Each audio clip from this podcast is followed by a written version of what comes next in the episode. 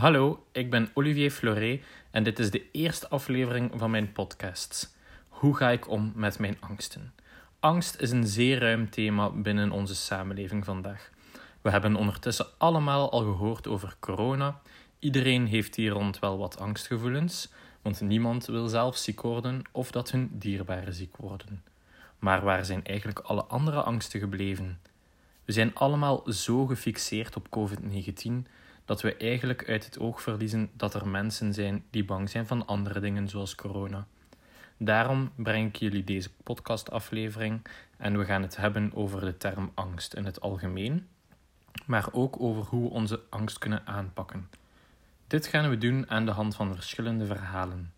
Deze verhalen heb ik niet zomaar uit mijn mouw gegooid, maar deze komen effectief van verschillende mensen, die ook echt te kampen hebben met verschillende soorten angsten. Ze hebben mij verteld wat hun angsten zijn en hoe ze hiermee omgaan. Omdat ik de privacy van deze mensen respecteer, ga ik geen namen noemen, maar ik wil deze mensen alvast bedanken voor hun hulp, want het is door mensen zoals hen dat ik een betere kijk krijg op dit onderwerp. Ik ga niet zoals vele mensen een heel theoretisch kader plakken op mijn podcast, maar ik wil aan de hand van deze podcast bereiken dat mensen zich begrepen voelen en ook dat mensen het gevoel krijgen dat ze gehoord worden. Als we over angst spreken, hebben we een brede waaier van verschillende soorten angsten. Want je kan ergens bang voor zijn dat je even moet slikken. Bijvoorbeeld, je bent vijf jaar en staat als kind op de grote speeltuin met een hele grote glijbaan naar beneden.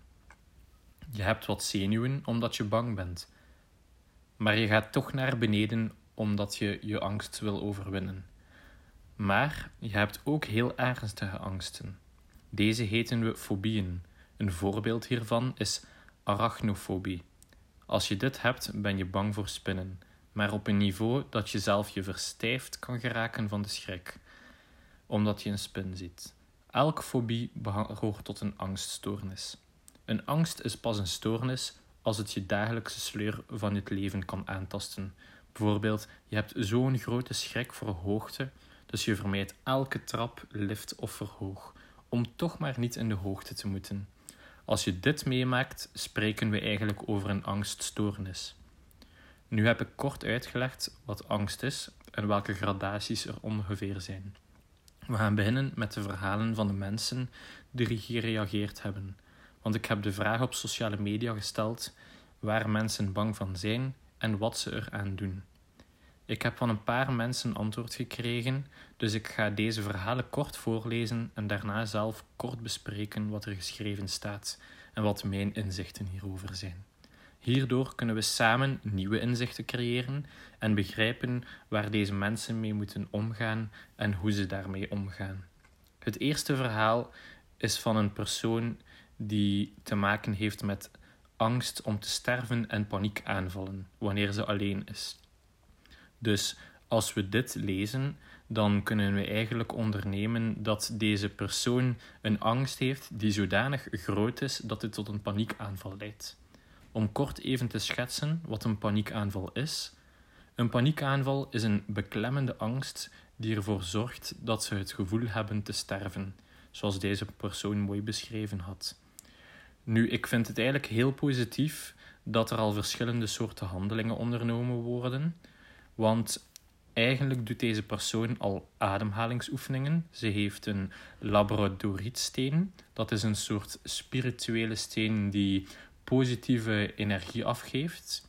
En deze persoon zoekt mensen in de buurt en bevestiging dat ze niet gaat sterven. Wat belangrijk is bij angst is dat we dus weten van waar ze komt. Zoals deze persoon beschreven heeft, is er een angst om te sterven. Want als je angst leeft in je onderbewuste, kan je er ook niks aan doen. Want angst leeft niet in het verleden en het leeft zeker niet in de toekomst. Je bent bang op dit moment en het is belangrijk te beseffen dat je bang bent op dit moment. En om dat te doen heb je een houvast nodig aan iets. In mijn ervaring zelf en bij het zien van iemand anders kalmeert de persoon pas wanneer ze ergens vat op krijgen. Bijvoorbeeld de ademhalingsoefeningen die deze persoon uitvoert. Dit zorgt voor een gevoel van controle te hebben in je lichaam en dat je weer de kracht en moed krijgt deze angst te onderdrukken. Nu, dit is niet gemakkelijk en dat vergt veel oefening. In het begin probeer je dit dan ook best misschien door iemand bij te roepen. Of oefen je deze ademhalingsoefeningen uh, aan de hand van artikels en oefeningen die je vindt op het internet. Er is ook bijvoorbeeld een TikTok-account die verschillende soorten ademhalingsoefeningen vindt. En zelf heb ik deze ook al eens geprobeerd. En uit eigen ervaring vond ik deze wel heel nuttig, want deze hebben mijn fysiek naar omhoog geholpen door gewoon een goede ademhaling te leren hebben als ik beweeg. En zelf niet eens intens beweeg. Nu, het volgende verhaal waar we over gaan hebben, is uh, eigenlijk niet echt een verhaal, maar meer deze persoon heeft enkele oplossingen gestuurd waar hij met, uh, ja, met omgaat tijdens dat hij angst heeft. Hij gaat eigenlijk al bij dokters, ziekenhuizen en psychologen langs. Want anders moet hij hemzelf erdoor forceren, want hij gaat het niet overleven, die angst. Ik vind dat eigenlijk heel chic dat hij al naar dokters, ziekenhuizen en psychologen gaat. Want de eerste stap naar hulp zoeken is weten dat je hulp nodig hebt. En hier in België is dat nog zeer moeilijk, aangezien vaak psychologen nog als taboe leeft in onze samenleving. Want iedereen schaamt zich wel als hij moet zeggen van ik ben naar de psycholoog geweest. Nu, ik heb ooit met een, een Nederlander gesproken als ik op vakantie was in Frankrijk. En we zijn zeer goed bevriend geraakt op die twee weken. En ergens in het midden van de tweede week hadden we een serieus gesprek. En dat dwaalde af naar psychologen. En deze man vertelde mij dat ze in Nederland om de vijf stappen naar de psycholoog gaan. En dat ze zich eigenlijk ook aan de grote klok hangen als ze babbelen met mensen. Er is daar absoluut geen schaamte over. En zelf werd ik wel geïnspireerd, omdat eigenlijk moeten wij ons niet schamen als we naar de psycholoog gaan. Want die mensen studeren ervoor om ons te helpen. Dus is het maar al te logisch dat je daar naartoe gaat als het echt nodig is. Ik zeg natuurlijk niet dat als je met lichte angst of met lichte problemen zit, je direct dat als eerste optie moet zien. Wanneer je zelf denkt deze kunnen oplossen. Maar als je dat niet kan, is dat het eerste wat je moet doen. Want als je erg ziek bent, ga je ook naar de dokter. Als je een boek nodig hebt, ga je ook naar de biep om nu het ene uiterste van het andere uiterste te nemen. Nu, ik heb hierna nog één verhaal, want ik heb niet zo heel veel reactie gekregen, omdat ja, het de eerste podcast is. En het laatste verhaal gaat over iemand die vooral vertelt waar ze bang voor is. Nu, deze persoon zegt dat ze angstig is voor alleen te blijven. Dus dat ze alles doet voor iedereen zodat ze haar niet verlaten. Ik vind het een heel interessant verhaal, want ondanks elke fobie die we ons kunnen inbeelden, angst om alleen te blijven is iets op een ander niveau. Bij spinnenangst kan je spinnen vermijden en de oorzaak van deze angst is fysisch weg te halen. Maar angst om alleen achter te blijven is iets waar je met zit, iets waar je op elk moment met zit. Want je kan met een persoon die je graag ziet in een kamer zitten, maar of die persoon daar nu zit of niet, je gaat bang zijn om deze persoon te verliezen. En dit is op bepaald onderzoek dat ik zelf ondervonden heb en in bepaalde artikels gelezen heb. Ook als je bij die persoon zelf zit, dat die gevoelens nog sterker kunnen zijn omdat je specifieker denkt aan die persoon. Nu, zelf ben ik ook zo geweest. Ik heb zelf ook vaak alles gedaan voor de mensen die dicht bij mij stonden, omdat ik ze niet wou verliezen en niet wou teleurstellen. En ik heb toen eens gebabbeld. Dat was met een, uh, iemand van op school, een leerkrachtenbegeleider, die leerlingen die het moeilijk hadden begeleiden en leerkrachten die het moeilijk hadden begeleiden, vooral op psychologisch vlak. En uh, deze leerkracht vertelde mij toen dat de personen die je graag ziet ook moet kunnen loslaten. En als een persoon u echt graag heeft, die een nee kan verwachten van u en een nee kan verdragen van u. Op die manier ben ik dus gaan proberen zelf ook ja, zelf mijn eigen ding beginnen doen en heb ik zelf soms gezegd van nee, sorry, dit kan ik nu niet doen, want ik ben met dit bezig. Of ik heb het veel te druk, of ik heb er gewoon eens geen zin in. Want je moet niet altijd zin hebben om mensen te helpen, want andere mensen hebben ook niet altijd zin om jou te helpen. En op die manier verloor ik mijzelf na een lange tijd, want het heeft maanden oefening nodig gehad. En op die manier verloor ik mijzelf minder in het gebeuren van andere mensen te willen helpen. Want na een tijd altijd andere mensen te willen helpen, verlies je eigenlijk je eigen karakter en leef je naar je angsten. En eigenlijk is dat op elk vlak van elke angst zo.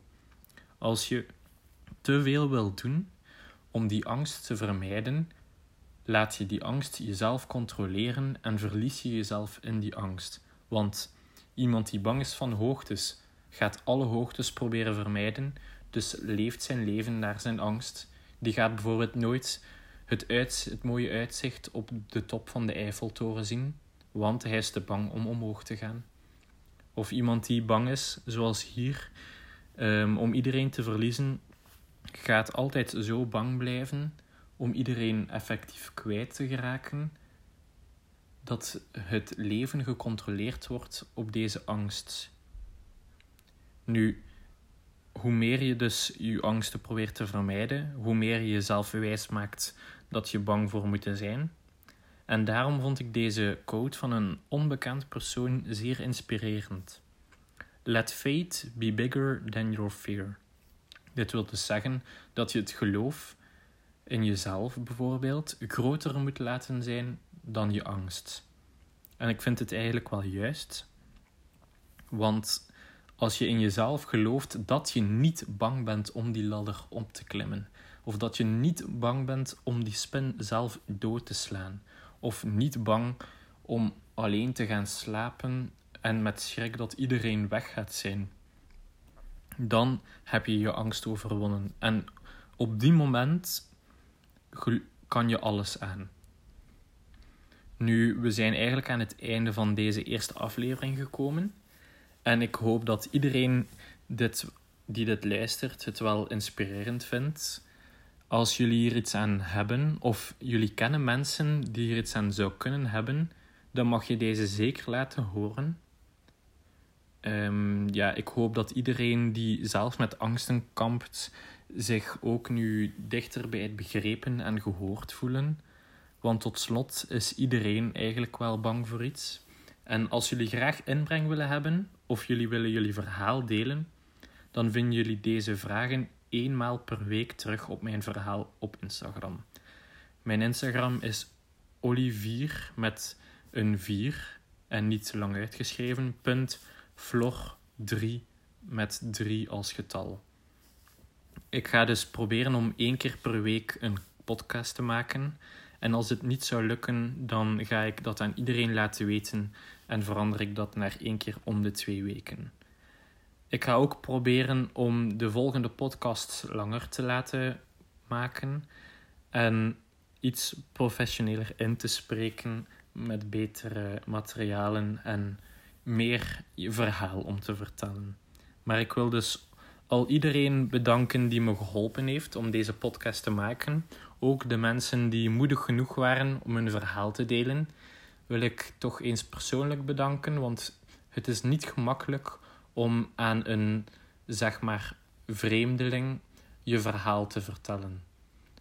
Ik zou dat niet durven en ik ben dus heel blij dat sommige mensen dit wel durven. Dus bedankt en tot de volgende keer.